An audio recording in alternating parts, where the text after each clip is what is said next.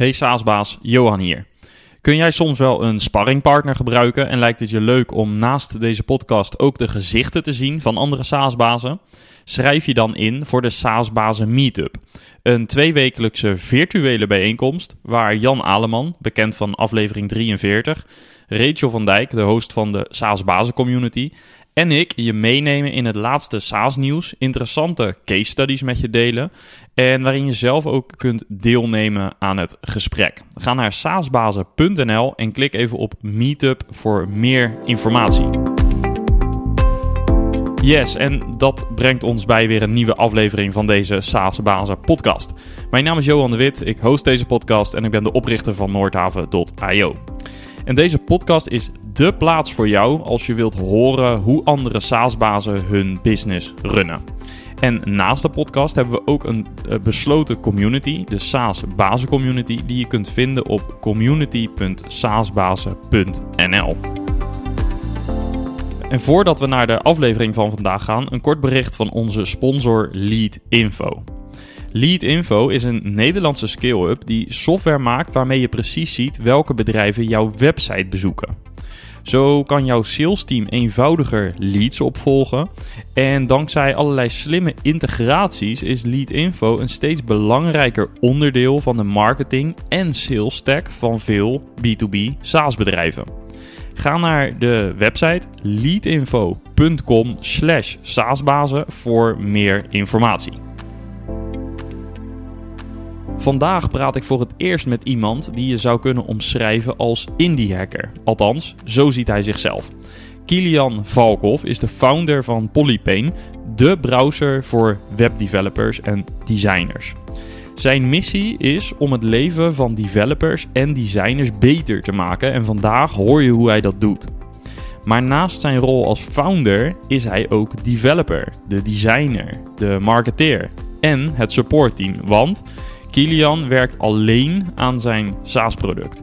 En dat is eh, niet omdat het geen succes is. Integendeel, developers van techbedrijven zoals Google en Shopify gebruiken Polypane. Maar hij heeft er bewust voor gekozen om de business te bootstrappen en om de business zo in te richten dat hij het alleen kan managen. Of hooguit zo nu en dan met wat hulp van freelancers, maar verder dus geen vast of eigen team dus. Hij deelt in deze podcast zijn gedachten hierachter en hij deelt ook zijn visie op hoe software zou moeten werken.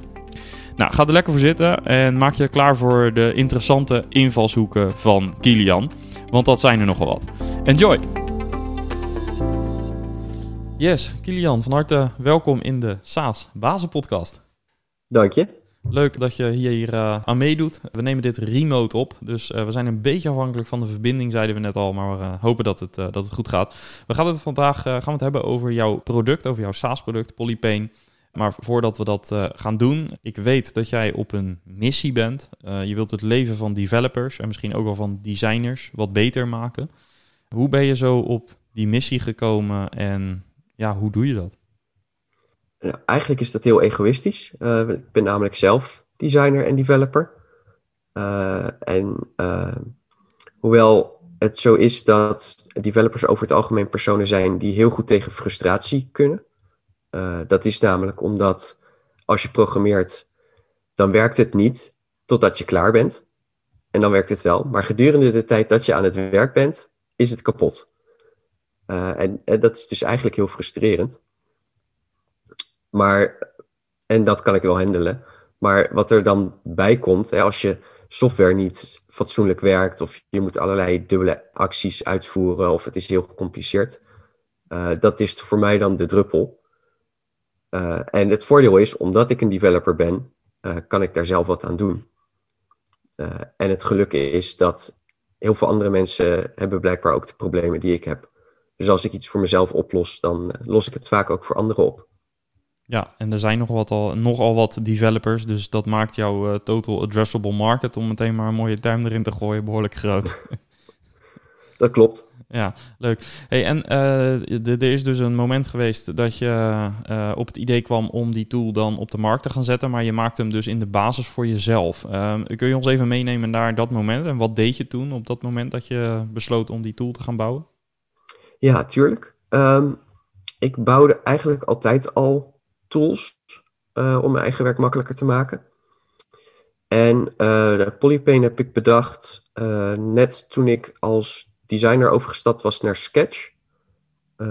ondertussen alweer zes jaar geleden. daarvoor gebruikte, gebruikte Photoshop als, als design tool.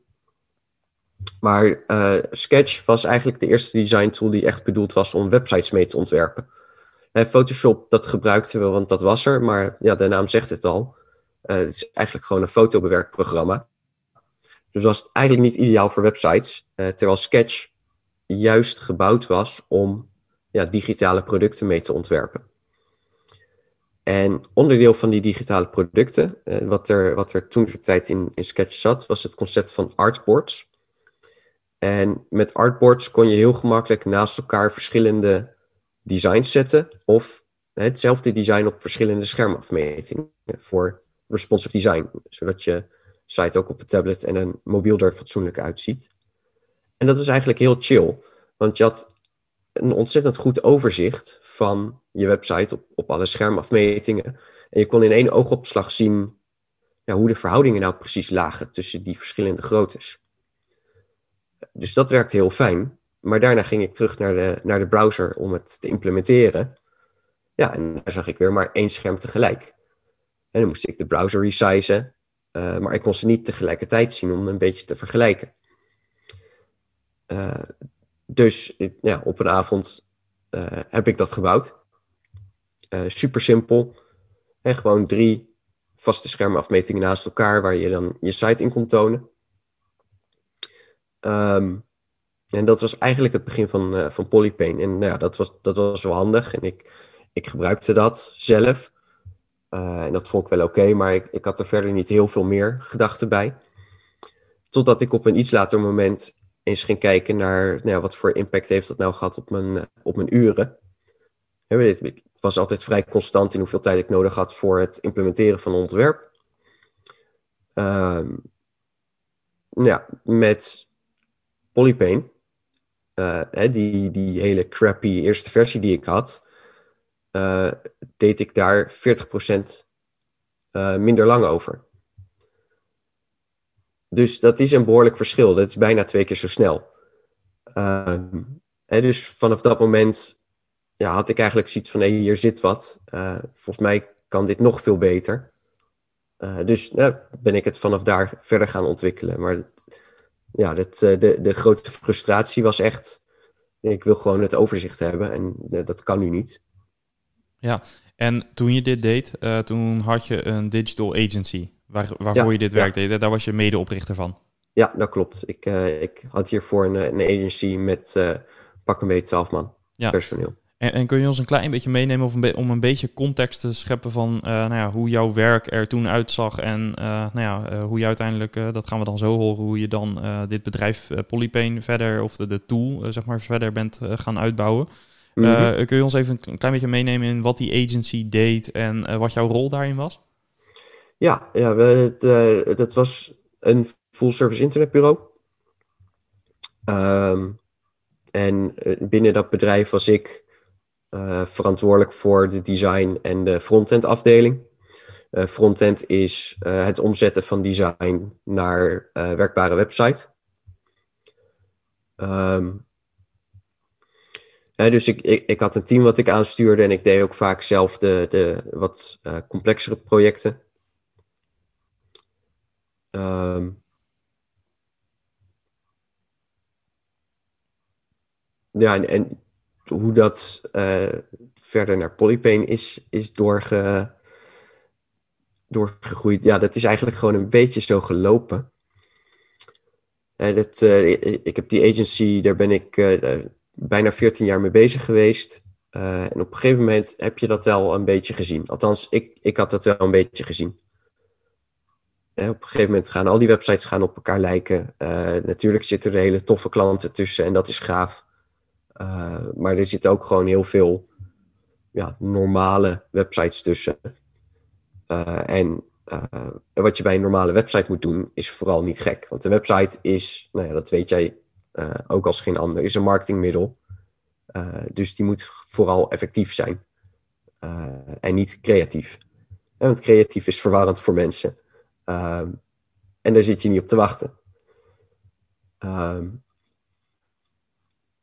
en ik was eigenlijk dus altijd al bezig met, joh, ik ben ook veel producten aan het bouwen. Uh, en eigenlijk vind ik dat veel leuker.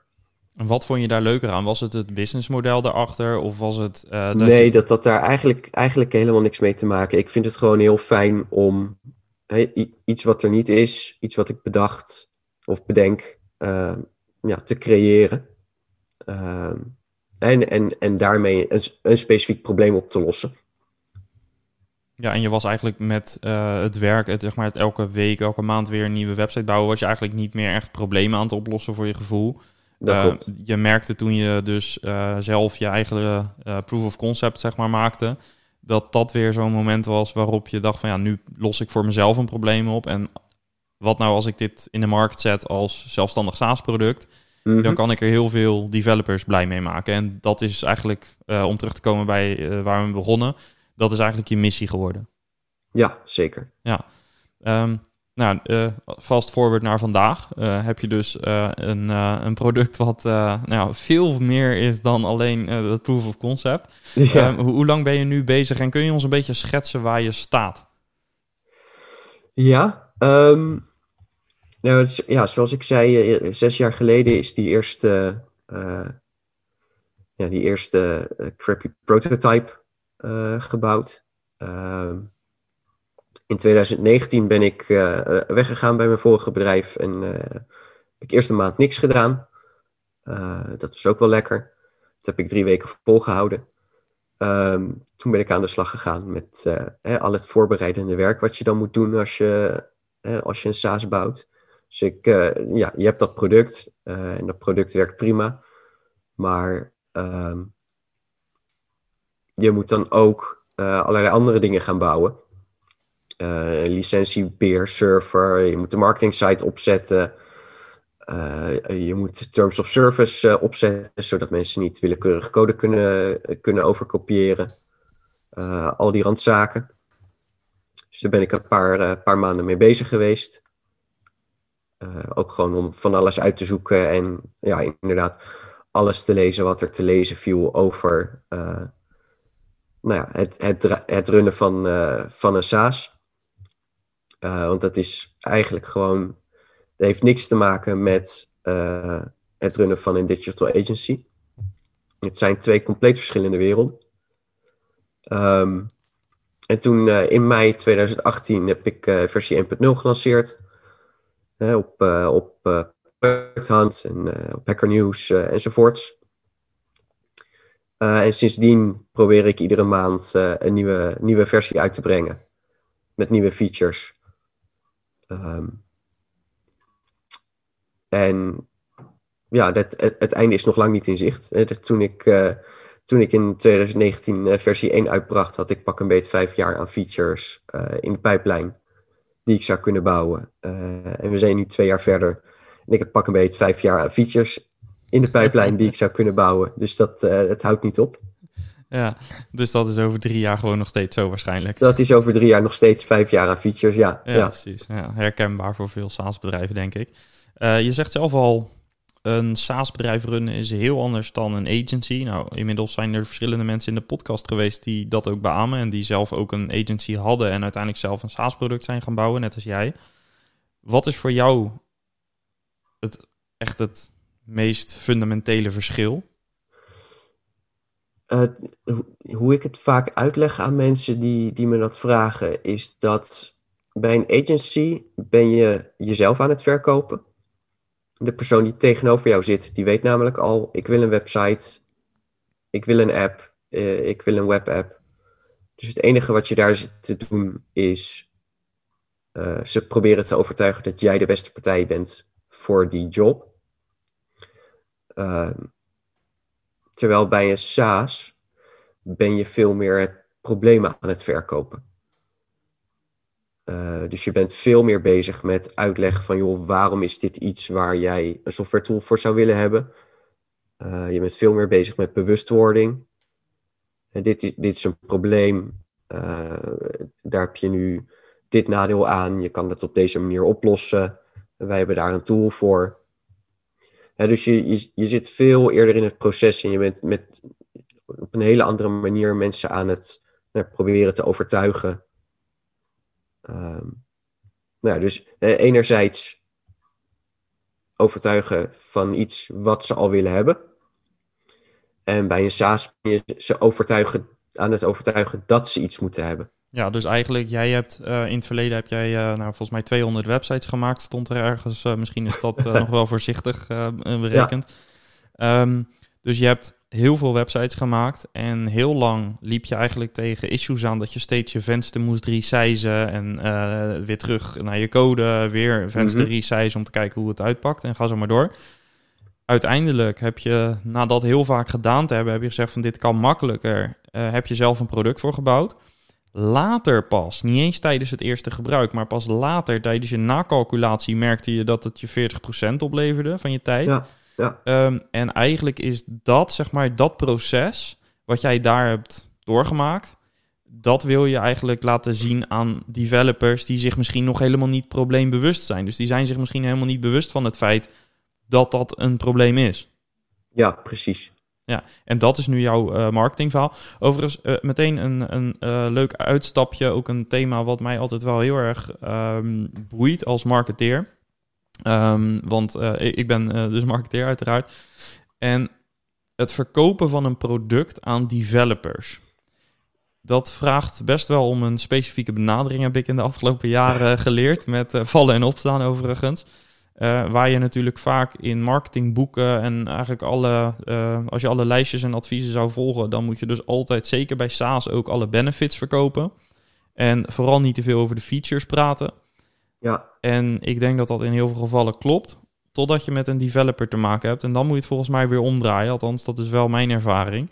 Uh, maar hoe kijk jij daar tegenaan? Hoe verkoop je iets aan een developer? Ja, nou ja, vertel jij het mij maar. Uh, ik, ik, ben er nog niet 100% achter. Uh, ik heb wel alle fouten gemaakt die er, die er te maken zijn. Er, ontzettend veel Nee, ik probeer gewoon van iedereen advies te krijgen. Uh, dus ik heb ook van veel marketers uh, advies gekregen, ook zeker in het begin. Uh, en dan krijg je inderdaad dingen als van, joh, je moet niet je documentatie en je supportpagina in je hoofdnavigatie zetten. want dat schrikt mensen af. Als er iets is wat developers afschrikt, is als er geen documentatie in je hoofdnavigatie staat. API docs. Ja. ja. Um, en net inderdaad hetzelfde van, joh, uh, als er een groep mensen is die wel in staat is om van een lijst features zelf benefits te maken, dan, dan zijn dat developers. Um, daarentegen, um, developers wilden wel, willen wel degelijk gemarket worden. Ze willen alleen op een hele andere manier gemarket worden. En bijvoorbeeld het hebben van hele goede docs is een marketingstrategie. En daarmee laat je zien, uh, hey developer, ik hecht heel veel waarde aan goede documentatie. Ja, en ik, begrijp, jullie, ik begrijp jou, ja precies. Ja, precies. Uh, en, en dat is continu een soort van spanningsvlak, uh, ook in, in hoe je dingen beschrijft. Want je kan wel zeggen, joh, noem alleen maar features en geen benefits. Maar tegelijkertijd, ja, als een developer zich nog niet bewust is van iedere keer als ik een browser resize, dan, dan duurt dat misschien drie seconden. Maar dat doe ik iedere drie minuten. En ik ben de hele week met een website bezig. Nou ja, tel maar uit. Uh, dan is het opeens wel een probleem. Hè? Die drie seconden is niet een probleem. Maar die drie seconden tienduizenden keren is wel een probleem. En dat kan je alleen maar duidelijk maken door toch wel een beetje die benefits te, te verkopen. Dus er, er zit altijd een soort van balans in tussen. Eh, ik benoem vooral features, maar ik probeer dan wel ook aan te geven van wat zo'n feature jou dan kan brengen als developer. Ja, en wat is tot nu toe, want je zegt ik probeer de code ook nog te kraken, uh, maar je bent er natuurlijk veel verder in dan een paar jaar geleden. Ja. Uh, wat, wat heb jij gemerkt wat wel echt werkt? Um, bijvoorbeeld, een, uh, je geeft aan, je hebt op Product Hunt bijvoorbeeld je product mm -hmm. gelanceerd. Maar zijn er nog meer van dat soort acties geweest, strategieën of misschien tweaks in je messaging, uh, waardoor je inderdaad die doelgroep beter aan kon spreken dan je daarvoor deed? Ja, wat, wat voor mij tot nu toe het beste werkt, zijn uh, authorities. Dus op het moment dat een bekende webdeveloper iets tweet, iets post over Polypane, dan is dat een dusdanige stempel van kwaliteit dat dat echt duidelijk verschil maakt. Um, dus dat is wel echt iets. En, en daar zie je ook dat, het, dat ze best gemarket willen worden. Uh, maar ze willen wel gemarket worden door iemand die ze nou ja, heel goed vinden. Ja. Um, en dus uh, ik probeer daar wat meer, wat meer in te doen. Dat ik wat meer, nou ja, het zijn geen celebrities, maar nou ja, bekende webdevelopers. Uh, en toch Polypane kan laten, uh, laten zien aan andere mensen. Uh, en tegelijkertijd dus ook een beetje mijn eigen profiel binnen die wereld probeer te vergroten. Hè? Dus ik, ik, probeer op conferenties te spreken, op meetups. Um, probeer veel artikelen te schrijven, ook voor, voor bekende websites. Zodat ook ik zelf meer als een autoriteit wordt gezien op dat gebied. Uh, en dat straalt dan automatisch ook weer positief af op mijn product. Ja, dus personal branding. Ja. Alleen ook daarin dus personal branding, maar niet op de, de, de laten we zeggen, de influencer manier, maar echt op de nee. inhoud. Zorgen dat je echt een, een geloofwaardige boodschap hebt. En uh, dat het inhoud, want dat is natuurlijk ook iets, hè, developers zijn mensen die, uh, uh, als, als ze denk ik iets gemeen hebben, is dat ze niet zo in marketing bullshit trappen. Dus het moet vooral op de inhoud zijn. Dat is in ieder geval wel echt een van de zaken. Kijk, ik denk dat dat sowieso altijd wel belangrijk is, hè, dat, je, dat je met inhoud komt. Maar ja. ja, waar in sommige markten, hoe je het ook bent of keert, clickbait nog wel eens een beetje kan helpen. Uh, is dat bij, uh, market, of bij, bij developers uh, echt dodelijk, wat mij betreft. Dus, ja. ja. ja, en wat daar ook wel lastig aan is, is dat iedere tool die aan een developer gepitcht wordt, die belooft dat ze tien keer sneller ermee kunnen werken. Dat is natuurlijk niet zo. Um, de, de, veel tools zijn, die maken dingen wel een beetje handiger, maar niet een orde van grootte handiger. Uh, maar omdat al die tools wel op die manier verkopen, is het dus heel lastig om met dat argument te komen. Uh, ik doe het nu wel, uh, maar dat is alleen maar omdat ik tegelijkertijd kan zeggen: hey, met Polypane ben je vijf keer sneller. Kijk maar, hier heb ik case studies van bedrijven die vijf keer sneller zijn en dat gemeten hebben. Ja. En dus dan kan je het op die manier toch een beetje onderbouwen. Uh, ook al is zo'n claim op zichzelf nou ja, dat, dat voelt heel overdreven. Ja, want normaal gesproken, al zou je dat niet onderbouwen met een case study, dan zullen ze misschien zeggen: Oh, daar heb je er weer eentje in het rijtje van uh, ja. tools die iets claimen, maar het niet waarmaken. Precies. Ja.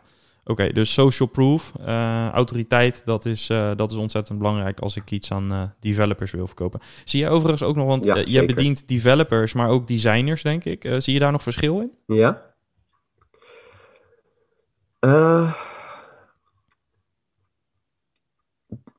Designers zijn veel sneller tevreden. Um, met, met software in ieder geval. Uh, Zo interpreteerde ik hem ook. ja, maar he, de, de, daarentegen zijn developers weer, weer uh, veel sneller tevreden met de implementatie van een design. Uh, daar zijn designers het dan weer niet altijd mee eens. Um, en um, het, een ander verschil wat ik best wel zie is dat designers zijn ook veel, staan ook veel meer open om een tool echt te proberen. Terwijl bij veel developers is het een soort van first strike and you're out. Uh, dus als er iets even niet tegen zit, dan nou ja, laat dan maar zitten. Dan ga ik wel weer terug naar mijn oude vertrouwde maniertje. Um, en dus dat, dat maakt het ook nog wel weer extra lastig om uh, om aan developers te verkopen versus andere, uh, andere klanten. Ja, dus relatief weinig geduld moet in één keer goed zijn. Precies. Ja. Dat brengt me eigenlijk bij een uh, andere vraag die ik had. En dat gaat dan meer over de manier waarop je nu uh, de tool ontwikkelt. Uh, je zegt, je komt vanuit een agency waar jullie meerdere medewerkers hadden. Op dit moment werk je alleen aan Polypane. Ja. op de website zeg je ook, I'm the founder, developer, designer en de support team at Polypane. Nou, dat is, dat is nogal wat. Het zijn veel rollen. ik kan me voorstellen dat je product dan eigenlijk bijna of misschien wel helemaal self-service moet zijn. Is het dat ook? Uh, ja, um, en ik heb ook echt een hoop klanten die ik nooit spreek. Ook al doe ik mijn best om, om zo toegankelijk mogelijk te zijn. Dus ieder e-mailtje wat wordt verstuurd, wordt vanuit mijn e-mailadres verstuurd. binnen de app heb je een live support chat en die gaat direct naar mijn telefoon. Uh, en naar mijn computer. Um, en op zich gaat dat prima. Ik, gaf ook al eerder aan, ik, besteed heel veel tijd aan de documentatie. Dat betekent niet dat iedereen altijd als eerste naar de documentatie gaat. Heel veel developers die vragen eerst en, en kijken dan pas naar de documentatie. Dat is ook prima. Uh, daarom heb ik dat zo ingericht. Um, ook binnen de app is dat echt wel iets wat, hè, wat ik uh, steeds verder ontwikkel. Uh, in, de, in de eerste versie van, van de app liet ik bijvoorbeeld geen scrollbalken zien. Helemaal nergens. Um, omdat ik ervan uitging dat developers best wel weten hoe ze horizontaal moeten scrollen. Um, en dat kwam er mooier uit, want dan zag de app er gewoon een stuk cleaner uit zonder dat je overal scrollbalken had. Op het moment dat je heel veel gebruikers hebt, dan wordt dat opeens wel een probleem. En dan zijn er dus heel veel developers en mensen van wie je verwacht dat ze heel goed met computers om kunnen gaan, die niet weten hoe dat werkt. En dus op een gegeven moment heb ik die scrollbalken weer teruggeplaatst. En, en zo doe je telkens dingetjes om het binnen de app makkelijker, duidelijker te maken. Uh, ik heb nu bijvoorbeeld uh, een, een onboarding flow. Als er, als er ook weer iets lastig is bij developers, dan is het een onboarding flow. Omdat ze uh, door willen klikken. Ze, willen, ze hebben geen Ja, precies. Ik, ik, ik, heb heel veel mensen, heel veel klanten daarvoor ondervraagd van joh, als ik een onboarding flow had en het zag er zo uit, wat zou je er dan mee doen? Wegklikken. Als ik een onboarding flow had en het was een video van vijf minuten die, die je uh, even door kan kijken. Wat zou je daarmee doen? Wegklikken. Uh, als je tooltips krijgt terwijl je als eerste met de app bezig bent, wegklikken. Allemaal wegklikken. Uh, dus ik heb nu een, een onboarding website, is het eigenlijk, die in de app draait als je hem als eerste opent. En die houdt dan bij welke acties je doet in de app. En dan heb je een soort van takenlijstje. want veel developers, inclusief ikzelf, gaan erg goed op takenlijstjes. En iedere keer als je een taak voltooit, dan komt er een vinkje bij, krijg je confetti in je scherm. Uh, dus het is ook wel leuk om te doen. Bijna gamification, zeg maar. Ja, precies. Een soort van gamification. Um, en het zijn, het zijn zeven dingen die je moet doen. En als je gewoon met de, met de app werkt, dan doe je die eigenlijk al automatisch. Maar er zitten ook een paar dingen in Hè, dat je net even op iets moet klikken waarvan je nog niet helemaal weet wat het is. Uh, maar goed, als, de, hè, als zo'n onboarding flow je vertelt, klik daar. Uh, en je hebt net al een paar goede ervaringen gehad met, uh, met confetti. dan, nou ja, dan ben je eerder geneigd dat te doen. En heb je toch even die paar dingen die mensen dan bekendmaken met de app. Dat ze weten van, joh, dat kan ik daar vinden, dat kan ik daar vinden, dit doe ik zo. Ja, dus je wil ze wel naar een bepaalde successtate hebben. Absoluut. En dat doe je dan zeg maar eh, met een soort guided onboarding. Maar het moet niet aanvoelen als je moet nu hier klikken, je moet nu daar klikken. Want ja, dan precies. gaat een developer het precies niet doen. Ja, dus uh, er zit ook geen volgorde in. Uh, ze kunnen gewoon, eigenlijk als ze gewoon willekeurig dingen in de app gaat doen, dan op een gegeven moment zegt hij, goed gedaan. En dan, ja, vanaf dat moment hoop ik dat ze dan denken: oh hé, hey, dat is interessant, ik ga het lijstje volmaken. Ja, oké. En uh, dat zeg maar, dus de onboarding, zeg maar, de activatie van het product is dus redelijk self-service. Hoe zit het aan de voorkant tot de commit fase? heb je de marketing en sales geautomatiseerd of geef je nog wel bijvoorbeeld een demo? nee, ik, ik, ik, ik, heb een gratis proefversie. dus mensen, mensen maken een account aan. kunnen dan de, de app 14 dagen gratis gebruiken. En dat is eigenlijk de, uh, de flow. Gedurende die 14 dagen stuur ik een paar e-mailtjes. Um, hè, met wat getting started tips. Uh, een keer een vraag van, joh, uh, hoe gaat het? Wat vind je ervan? een keer een case study. en een waarschuwing van, joh, je, je trial zit er bijna op.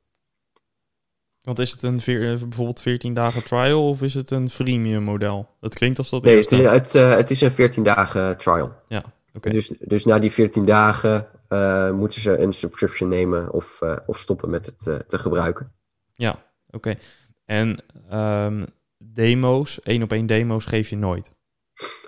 Zelden. Um, ik heb niet gemerkt dat dat echt zoden aan de dijk zet. dus de, de, de bedrijven en de mensen die ik een demo geef, die zijn niet meer geneigd om, om een licentie af te nemen. dus ik bied dat nog wel aan als je uh, bijvoorbeeld uh, zegt dat je enterprise bent. Uh, maar daar wordt eigenlijk bijna geen gebruik meer van gemaakt. en ik bied het ook niet meer aan in mijn, in mijn onboarding. Nee. Um, nu noemde je in de voorbespreking jezelf niet per se een, echt een ondernemer, SaaS-ondernemer, maar meer een indie-hacker. Um, Dat, dat uh, kan ook, dan kun je ook haast niet anders dan het zo automatiseren en zo structureren, denk ik. Hè? Ja, dat, dat klopt. Ja. Um, ja als, je, als ik kijk naar mijn dagindeling, dan probeer ik, probeer ik het 50-50 te doen. Ja, dus ochtends werk ik aan het product en smiddags werk ik aan marketing en sales gerelateerde dingen. En, uh, en daar komt dan gedurende de week komt daar een stukje administratie bij. Dat probeer ik altijd op maandagochtend te doen, want dan heb ik het maar gehad. Um, en nou ja, support, dat kan je niet inplannen, dat komt altijd tussendoor. Uh, en ik probeer daar altijd zo snel mogelijk op te reageren, uh, want ook dat is een marketingkanaal. Um, en ja, dan, dan, dan kan je dus eigenlijk niet anders als je nog een beetje fatsoenlijk aan je product wilt werken, dan zoveel mogelijk dingen door mensen zelf te laten doen. Ja, precies. Zodat jij nog uh, zoveel mogelijk tijd kunt besteden aan development. Ja. Um, is er een kans dat we over een jaar toch een team zien bij Polypane? Um, ik, je, ik zit er wel over te denken om wellicht uh, wat hulp in te schakelen. Uh, ik, heb voorheen wel met, uh, met freelancers gewerkt voor, uh, voor bepaalde klussen. een stukje SEO, een stukje marketing. en ik, ik denk dat ik in, in het komende jaar ook wel weer op een dergelijke manier... of, of iemand voor de marketing, of misschien wat meer direct voor sales... ja, probeer te vinden. Ja, maar het klinkt heel voorzichtig. Hè? Dan, uh, dus je, je, ook in je woordkeuze. Ik zit erover na te denken om ja, misschien... Ja, ja. ja. Dit, dit, is niks concreets. Um, en uh, ik vind het eigenlijk ook wel even lekker om geen personeel te hebben. Uh, het is heel leuk om met mensen samen te werken, maar personeel hebben is ook heel veel kopzorgen. en als je een SaaS of een eigen product hebt, dan heb je al best wel veel kopzorgen. Uh, dus voor nu is dat nog wel even prima. Ja, want in hoeverre is het echt een bewuste keuze om uh, zeg maar de rol als in. Kun jij misschien definiëren? Je kunt hem beter definiëren dan ik, denk ik. Hè? Maar uh, je hebt of je ja. bouwt een SaaS-bedrijf op met een team, of je blijft meer in de rol zoals je nu bent. En dat je inderdaad zelfstandig SaaS-producten bouwt die, nou ja, voor, vooral toch self-service zijn. Maar jij zult het beter kunnen definiëren dan ik, denk ik. Ja, en de, de, de, de, term wordt natuurlijk steeds vager, zoals met de, met de meeste termen. Maar hoe, ik een, een indie hacker zie, is iemand die uh, op zichzelf een SaaS bouwt zonder dat hij daarbij externe investeringen uh, heeft. Hè, dus bootstrapped. Ja. Uh, en daarbij independent. Um, In tegenstelling tot nou ja, de, de, de klassieke SaaS, dat je een flink bedrag ophaalt en daar een team van bouwt uh, en dan aan de slag gaat. Ja, en een belangrijk onderdeel in de keuze die jij gemaakt hebt, is dus in ieder geval om ook echt het product zelf te bouwen. Uh, want je zou ook kunnen zeggen, uh, zelfs als het marketing- en salesgedeelte op autopilot draait, om het zo maar even te zeggen, dan zou je wel kunnen denken misschien om meerdere developers in huis te nemen of in dienst te nemen om de, versneld de featurelijst weg te werken. Overigens, mm natuurlijk, eh, het blijft misschien een illusie dat die lijst teruggaat naar, naar drie jaar, want hij zal misschien wel vijf jaar blijven. Maar... Ik, ik, denk dat hij voor altijd vijf jaar blijft. ja, precies. Ja, dat zie je toch wel vaak.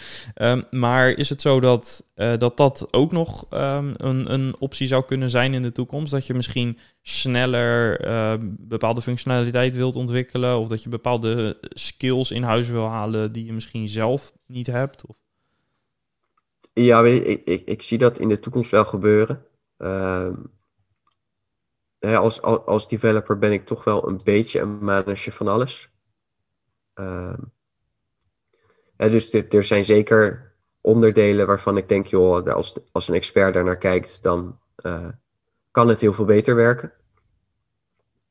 Um, maar voor nu is dat nog niet zo heel, uh, nog niet zo heel belangrijk.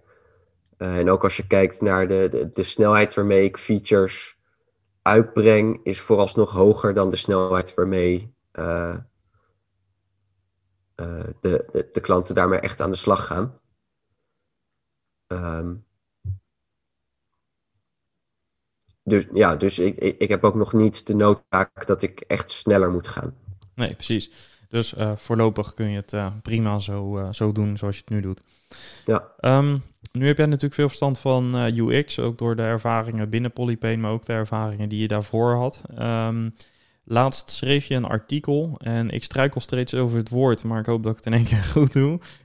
prescriptive software is beter dan descriptive software. Ja. ik, ik, zeg het nu zo lastig, omdat ik het ja, moeilijk uitspreek, maar... Um, wat bedoelde je met dat artikel en uh, kun je daar eens wat meer over vertellen, over jouw visie daarop? Ja, uh, heel erg platgeslagen uh, is het eigenlijk software met een mening is beter dan software zonder mening. wat je vaak ziet in tools voor en door developers is omdat developers zo vaak bezig zijn met afwegingen maken uh, durven ze in hun eigen tools geen keuzes te maken. dus in, plaats van dat een tool zegt, zo moet je het doen, uh, zeggen ze, je kan het configureren om het op deze manier te doen. Maar je kan het ook op deze manier configureren en op deze manier en op deze manier en op deze manier. Um, en dat, dat voelt natuurlijk heel veilig, want dan kan iedereen zelf beslissen wat het best voor, voor hem of haar werkt. Uh, maar wat mijn ervaring is, is op het moment dat je dat doet, dan wat het beste werkt, is niks doen. Is niet de keuze maken.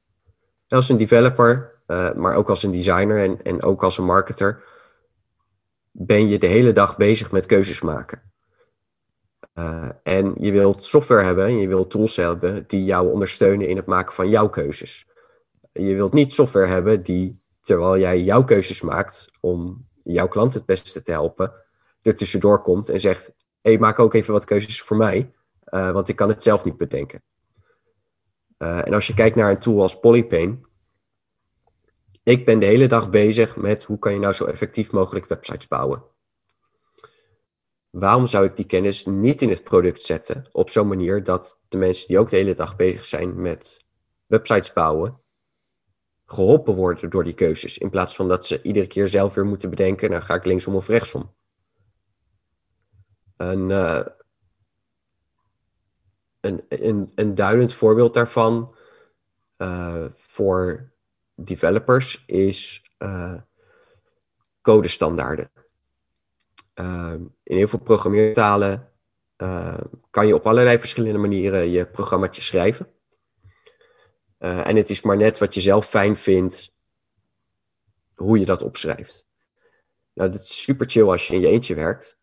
Maar als je met een team werkt en iedereen doet net wat anders, dan is dat heel erg vervelend. Dus je moet het eens worden over, nou, hoe gaan we dit nou met z'n allen op dezelfde manier schrijven, zodat we elkaars code ook kunnen begrijpen. Ehm, de tools die je daarvoor hebt heten linters. Uh, en linters hebben regels. En de meeste van die tools die zeggen, dit zijn alle regels die we hebben. Bedenk maar welke je wel en niet aangevinkt wil hebben. En wat je dan dus krijgt, is dat je development team uh, drie weken bezig is met regel voor regel een heftige discussie hebben over of die nou wel of niet aan moet. Uh, en aan het eind is niemand echt tevreden. De, de, een andere optie die je hebt is een code formatter. En een code formatter die pakt jouw code en die herschrijft het naar het formaat zoals hij denkt dat het moet. Dat hoef je niet te configureren. Het is gewoon één klik op de knop en je code ziet er anders uit. In mijn ervaring zijn die tools veel succesvoller omdat ze al die keuzes weghalen.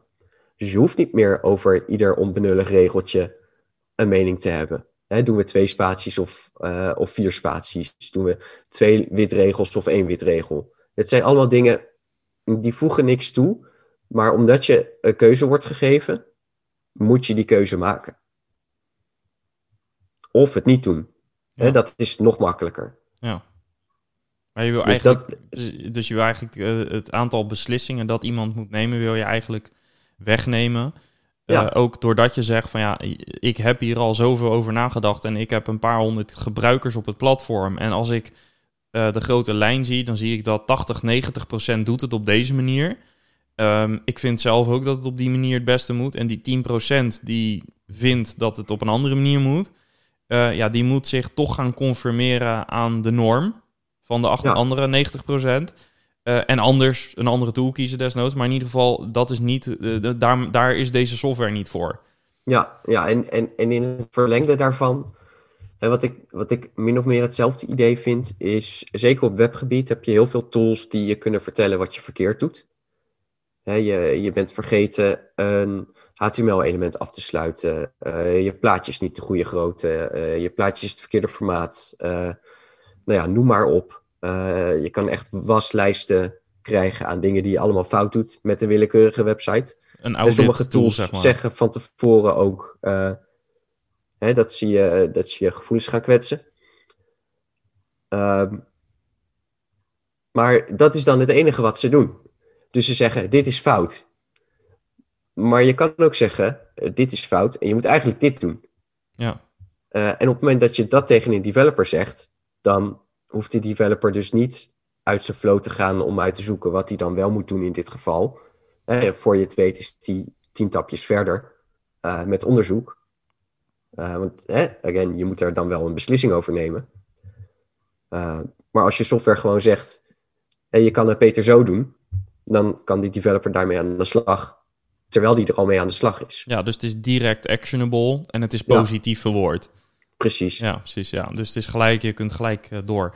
Um, hoe kijk je aan tegen het volgende? Ik uh, krijg ook vaak de vraag over uh, van SaaS-bedrijven, zeg maar, in hoeverre moeten wij nou maatwerk toestaan? Hè? Dan kom je ook een beetje op dit speelveld.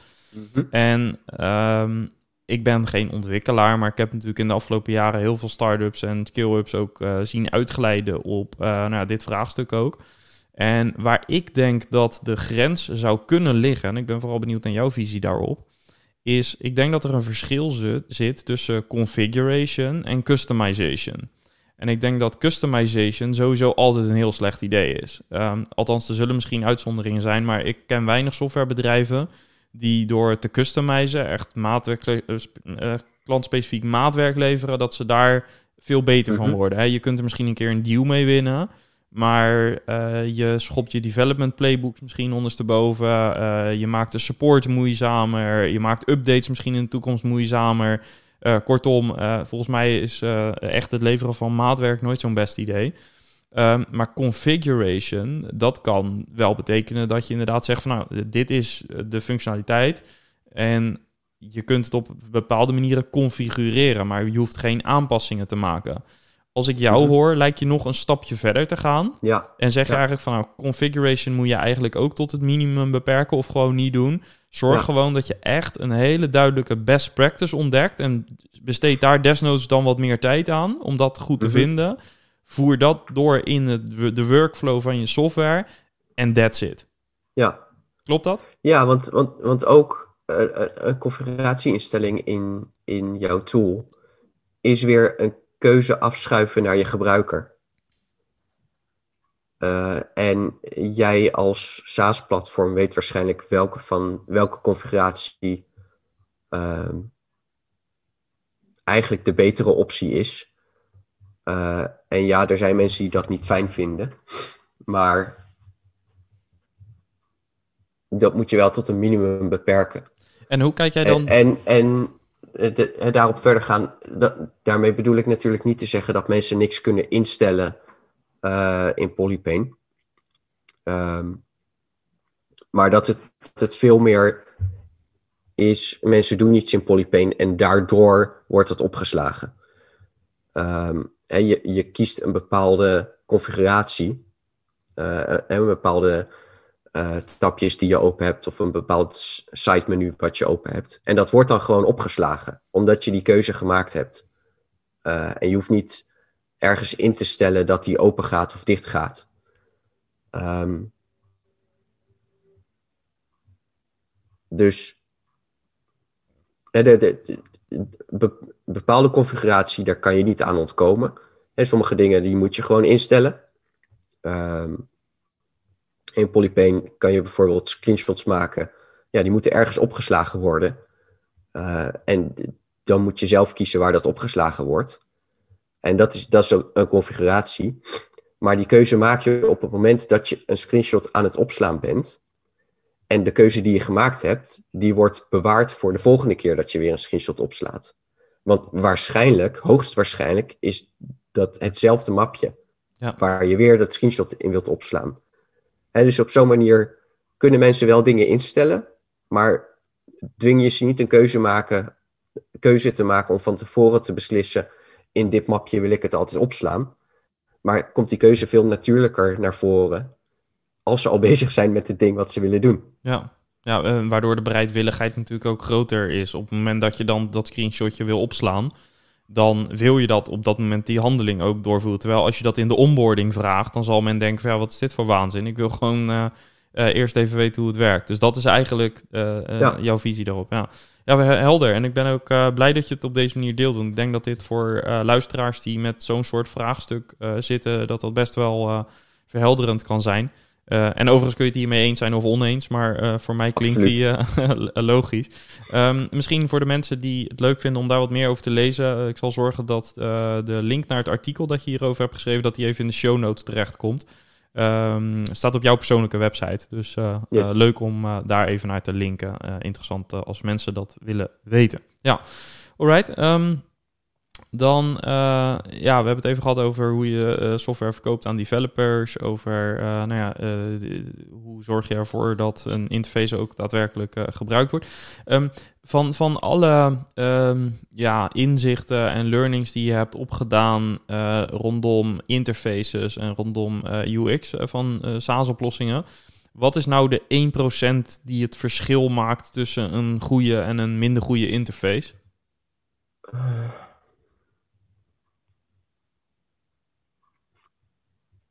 Het, het komt niet neer op 1%. Ehm, hoe dat. eh, binnen softwareontwikkeling is er eh, een term eh, death by a thousand paper cuts. En dat zit namelijk zo. één papercut ga je niet dood aan, maar het is wel ontzettend vervelend. Als het er duizend zijn, dan ga je er waarschijnlijk alsnog niet doodgaan, eh, dood van. Eh, maar zeker weten dat je, eh, dat je geen goede, goede tijd hebt. En zo is het ook bij interfaces. Als er één dingetje niet lekker werkt, nou ja, dat, dat, dat valt nog wel te overkomen. Maar het, het gaat om alle kleine details goed krijgen. En dat betekent niet dat je de meest gelikte interface nodig hebt of de, de, de meest recente trend bij moet, uh, bij moet houden. maar wel dat knopjes er altijd hetzelfde uitzien. Dat op het moment dat je een actie uitvoert, dat er altijd dezelfde actie wordt uitgevoerd. Um, dus consistency, voorspelbaarheid hoor ik. Ja, ja. consistency, voorspelbaarheid. Er zit ook een stuk in dat op het moment dat je uh, niet nadenkt over hoe loopt iemand nou door je applicatie heen, maar gewoon denkt, dit zijn alle opties die ik heb, ze staan nu op het scherm. Succes, doei! Um, dan hou je het ook niet lang vol. dus je, ja, je moet ook nadenken over nou, wat zijn nou de belangrijkste acties die ik wil dat mensen uitvoeren in mijn SaaS. En hoe zorg ik ervoor dat die heel makkelijk te vinden zijn? De, nou ja, de, de, de, de 20% aan acties die 80% van de tijd uitgevoerd worden. En dan kan de rest kan best wat tussen aanhalingstekens lastiger te vinden zijn. Ja, je hebt ook uh, daar een regel voor volgens mij. Hè? Dat noemen ze volgens mij de red route. Daar weet jij meer van dan ik, denk ik. Hè? Maar als je een navigatiesysteem zou ontwerpen, dan zou je gaan kijken van oké, wat gebruikt iedere user altijd? En wat gebruikt een enkele gebruiker af en toe? Hè? Dus een, uh, iedere mhm. user zal um, vrijwel alle keren dat hij het systeem gebruikt, zal die een adres willen invoeren.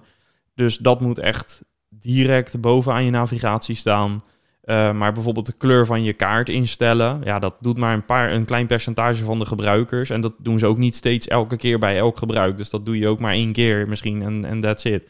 Ja. Uh, waardoor je uiteindelijk, uh, zeg maar, als je elke feature of elke workflow gaat afwegen, dan, dan kun je op een gegeven moment wel daar een bepaald patroon in ontdekken. Van oké, okay, wat heeft voor, uh, voorrang, wat heeft prioriteit in mijn navigatie, in de structuur van de oplossing. Mm -hmm. En uh, wat kan gerust wat verder in, in, in level 2 of 3 verstopt zijn, zeg maar. Ja, is precies. dat ook wat je bedoelt? Ja. Ja.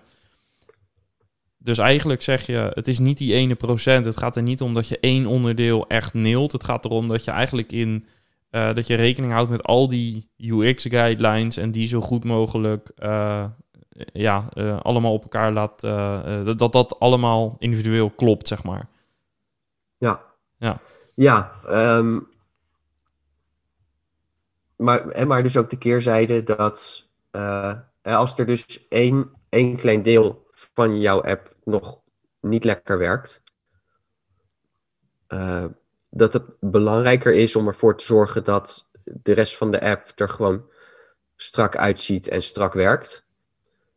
En dan is jouw gebruiker veel meer bereid om te zeggen: Oké, hey, je hebt goed nagedacht over wat ik in deze, in mijn app, in, in deze SaaS moet doen. En dat kan ik ook doen. En dat, dat is heel belangrijk. Uh, en ik zie dat, nou ja, hier is nog even niet zo heel veel aandacht aan besteed. Maar het mooie van SaaS is dat hè, dat wordt opgelost. Ja. Uh, je kan dat aangeven en eh, klanten geven dat bij mij ook aan. Uh, iets waar ik nu bijvoorbeeld, wat ik aan het overwegen ben, is sinds de meest recente versie van Polypane laat ik errors zien als pop-upjes over het scherm. En dat is super makkelijk, want dan mis je ze niet.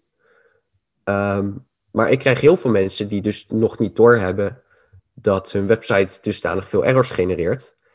Uh, en dat hun scherm vol staat. Die dan vragen, wil, uh, wat zijn dit? Dus die nog niet de link hebben gelegd tussen uh, die pop-upjes die worden veroorzaakt door mijzelf. en dat is omdat ik die standaard aan heb staan. dus ik zit er nu over te denken om die standaard uit te zetten.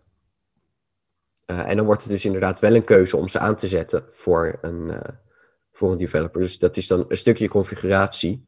Ook daar weer, uh, die ga je aanzetten op het moment dat je met die errors bezig bent. Want het vinkje om het aan te zetten staat in de lijst met errors die je op kan roepen. Ja. En, en zo ja, probeer ik ook wel ehm, nou, bepaalde aannames die ik, die ik heb gemaakt, die dus fout blijken te zijn, nou ja, op te lossen. Ja, precies. En door dus uh, goed ook naar je gebruiker weer uh, te luisteren. Ja. Ehm, ja, we hebben al heel veel uh, gecoverd. Uh, we kunnen denk ik nog wel een uurtje doorpraten. Um, maar waar ik uh, tot slot misschien nog wel even, waar we het misschien nog even over kunnen hebben, zijn uitdagingen op gebied van, nou ja, toch het ondernemerschap. Hè? Want hoe je het ook bent of verkeerd, je biedt een SaaS-oplossing aan. En ook al zeg je, ik voel me meer een developer dan echt een, een, een SaaS-baas, zoals je die meestal in de podcast hoort. Uh, voor mij ben je toch een SaaS-baas, omdat je zelf een SaaS-oplossing biedt. Um, wat, wat is voor jou de, de grootste uitdaging uh, op het gebied van ondernemerschap? Nou, wat, wat bij mij toch echt wel het meeste tegenviel, of tegenvalt, is uh, inderdaad het, het vermarkten naar developers. Dat is zo'n andere tak van sport. Kijk, ik heb, ik heb 14 jaar mezelf kunnen ontwikkelen uh, op het gebied van uh, producten verkopen aan mensen die al wisten dat ze dat product wilden. Dus daar ben ik best wel goed in, vind ik zelf. Uh, maar nu ben ik nog, ja, nu ben je gewoon in een veel vroeger stadium zit je. En, en ben je mensen dus echt aan het overtuigen van, joh, je hebt dit nodig. En dan ook nog eens een groep die ehm, ja, misschien zelfs wel een beetje koppig is uh, over nou, hun eigen workflow. En zo'n workflow die bouw je op door, door schade en schande. Dat heb ik zelf ook. Uh, dus als iemand die je niet zo goed kent dan jou komt vertellen dat je nou ja, niet efficiënt werkt of efficiënter kan werken, ja, dan, dan moet daar wel een flinke bewijslast aan hangen. Maar tegelijkertijd uh, gaan mensen ook niet uh, een blogpost van 20 minuten lezen om, om overtuigd te raken dus eh, je hebt heel weinig tijd om mensen van iets heel groots te moeten overtuigen. En dan zit je pas op het punt dat je uh, het probleemduiding hebt gegeven. Dus dat, ja, dat, is, dat is zeker voor mij nog wel, wel een uitdaging. Maar zijn, er, zijn er specifieke trigger points? Die, die uh, probleem awareness, zeg maar, uh, aanwakkeren? Nee, wat, wat, wat heel goed werkt, uh, maar dat, dat is alweer later in de, in de flow. Uh, in Polypane kan je in één keer een overzicht krijgen van alle volgens jou geoptimaliseerde schermafmetingen. dus een website bouw je voor verschillende schermafmetingen en dat staat ergens in de code. En Polypane leest dat uit. en dat is best wel een vrij unieke functie, want geen enkele andere browser doet dat. En die laat dat dan gewoon allemaal naast elkaar zien. Dus alle schermafmetingen naast elkaar. Wat er dan 9 van de 10 keer gebeurt, is dat er eentje tussen zit die is kapot. Want dat, ja, dat gebeurt gewoon. Want je gaat niet bij iedere wijziging al die schermafmetingen langs. Want dan komt de website nooit af. En dat kan bijvoorbeeld dat het kapot is, kan bijvoorbeeld betekenen dat een breakpoint niet goed is ingesteld, waardoor je navigatie niet overspringt op mobiel, bijvoorbeeld zoiets. Ja, precies. Dat, of dat, dat er net een tekst schuin onder een andere tekst staat, omdat het net niet lekker past. Ja. Um, en, en, en dat is echt dat aha-moment in mijn app. Waarbij mensen direct zien, oh kijk, ja, dit had ik nooit zelf kunnen, kunnen vinden, maar dit is wel echt kapot. Dus ik moet dat gaan fixen. Uh, maar dat, eh, dat aha-moment is er dus pas op het moment dat mensen al hebben besloten, nou ik ga het een kans geven en ik ga het gebruiken. Precies, ja. Maar je bent uh, eigenlijk op zoek naar het triggerpoint daarvoor, zonder dat ze Polypane kennen.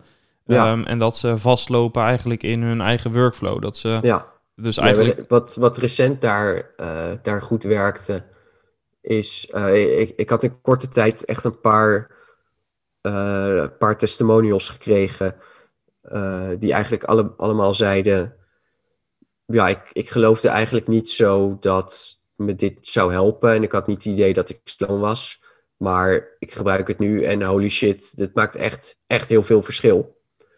Um, dus ik, heb dat als marketinguiting naar buiten gebracht. Van joh, hè, misschien denk je net als deze mensen, het maakt niet zoveel verschil, maar kijk eens wat ze nu vinden.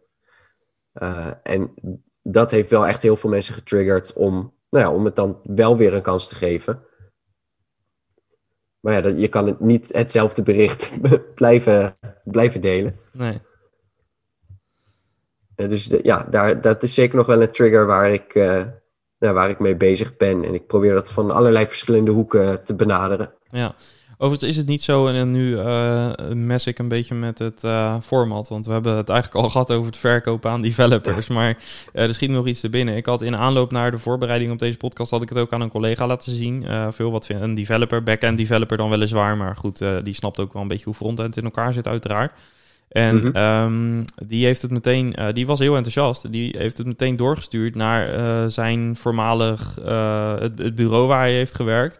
Ja. Uh, omdat hij zei, hey, dit is voor frontender, kan dit best wel een gamechanger zijn. Dus um, is het niet zo dat als je eenmaal in die developer, binnen die developers die elkaar natuurlijk veel spreken, die elkaar denk ik ook uh, echt wel oprecht verder willen helpen, die vaak ook in meetups en dergelijke zitten, um, mm -hmm. merk je daar niet dat dat een soort van viraliteitseffect binnen je doelgroep er wel is?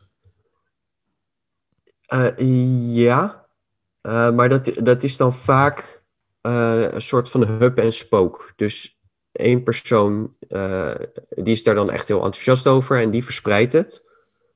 Uh, maar ik merk niet heel erg dat het een olievlekwerking is. Nee, het remt dan weer af bij de volgende bijvoorbeeld. Ja, ja, ja, ja okay, en ja. Ik weet eerlijk gezegd niet waarom dat is. Misschien, en ik merk dat zelf ook bij heel veel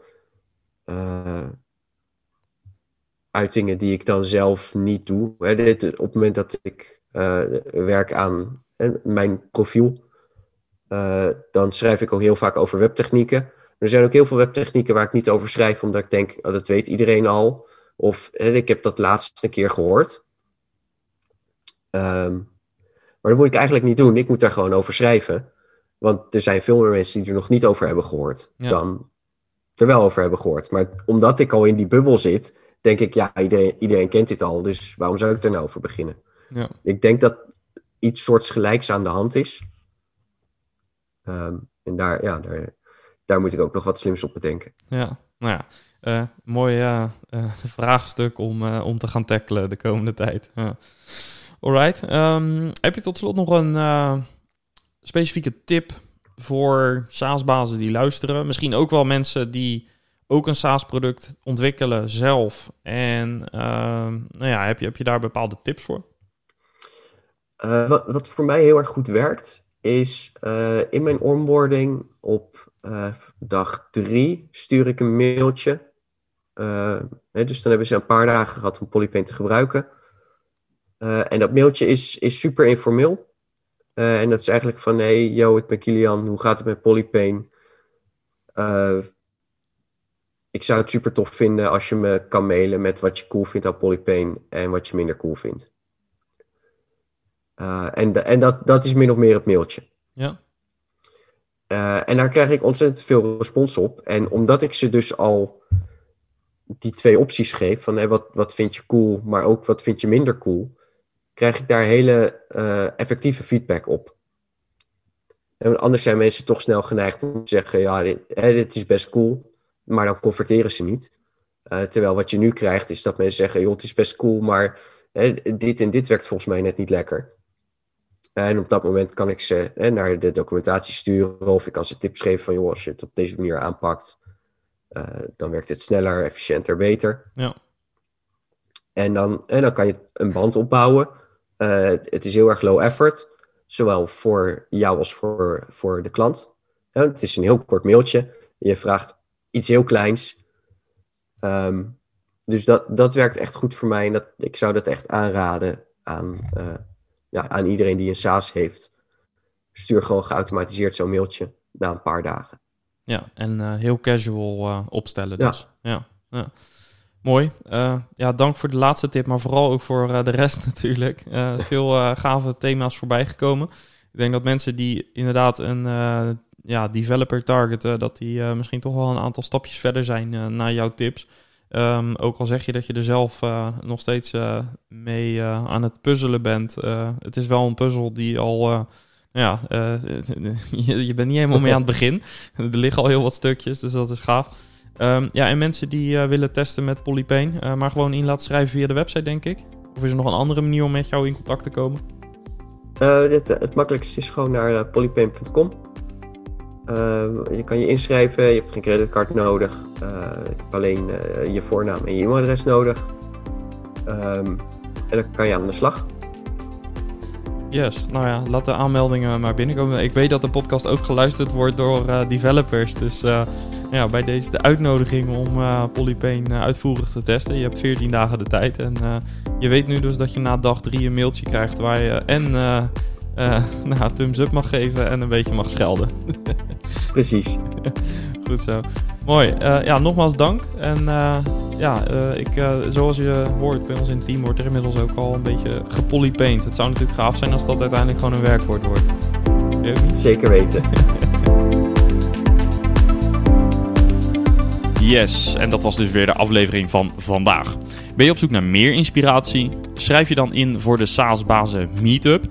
En luister niet alleen het laatste SaaS-nieuws in die meetup, maar krijg ook een inkijkje in interessante case studies van andere SaaS-startups en scale-ups. En neem zelf ook actief deel aan het gesprek. Wil je meer weten? Ga even naar saasbazen.nl en klik op Meetup voor meer informatie.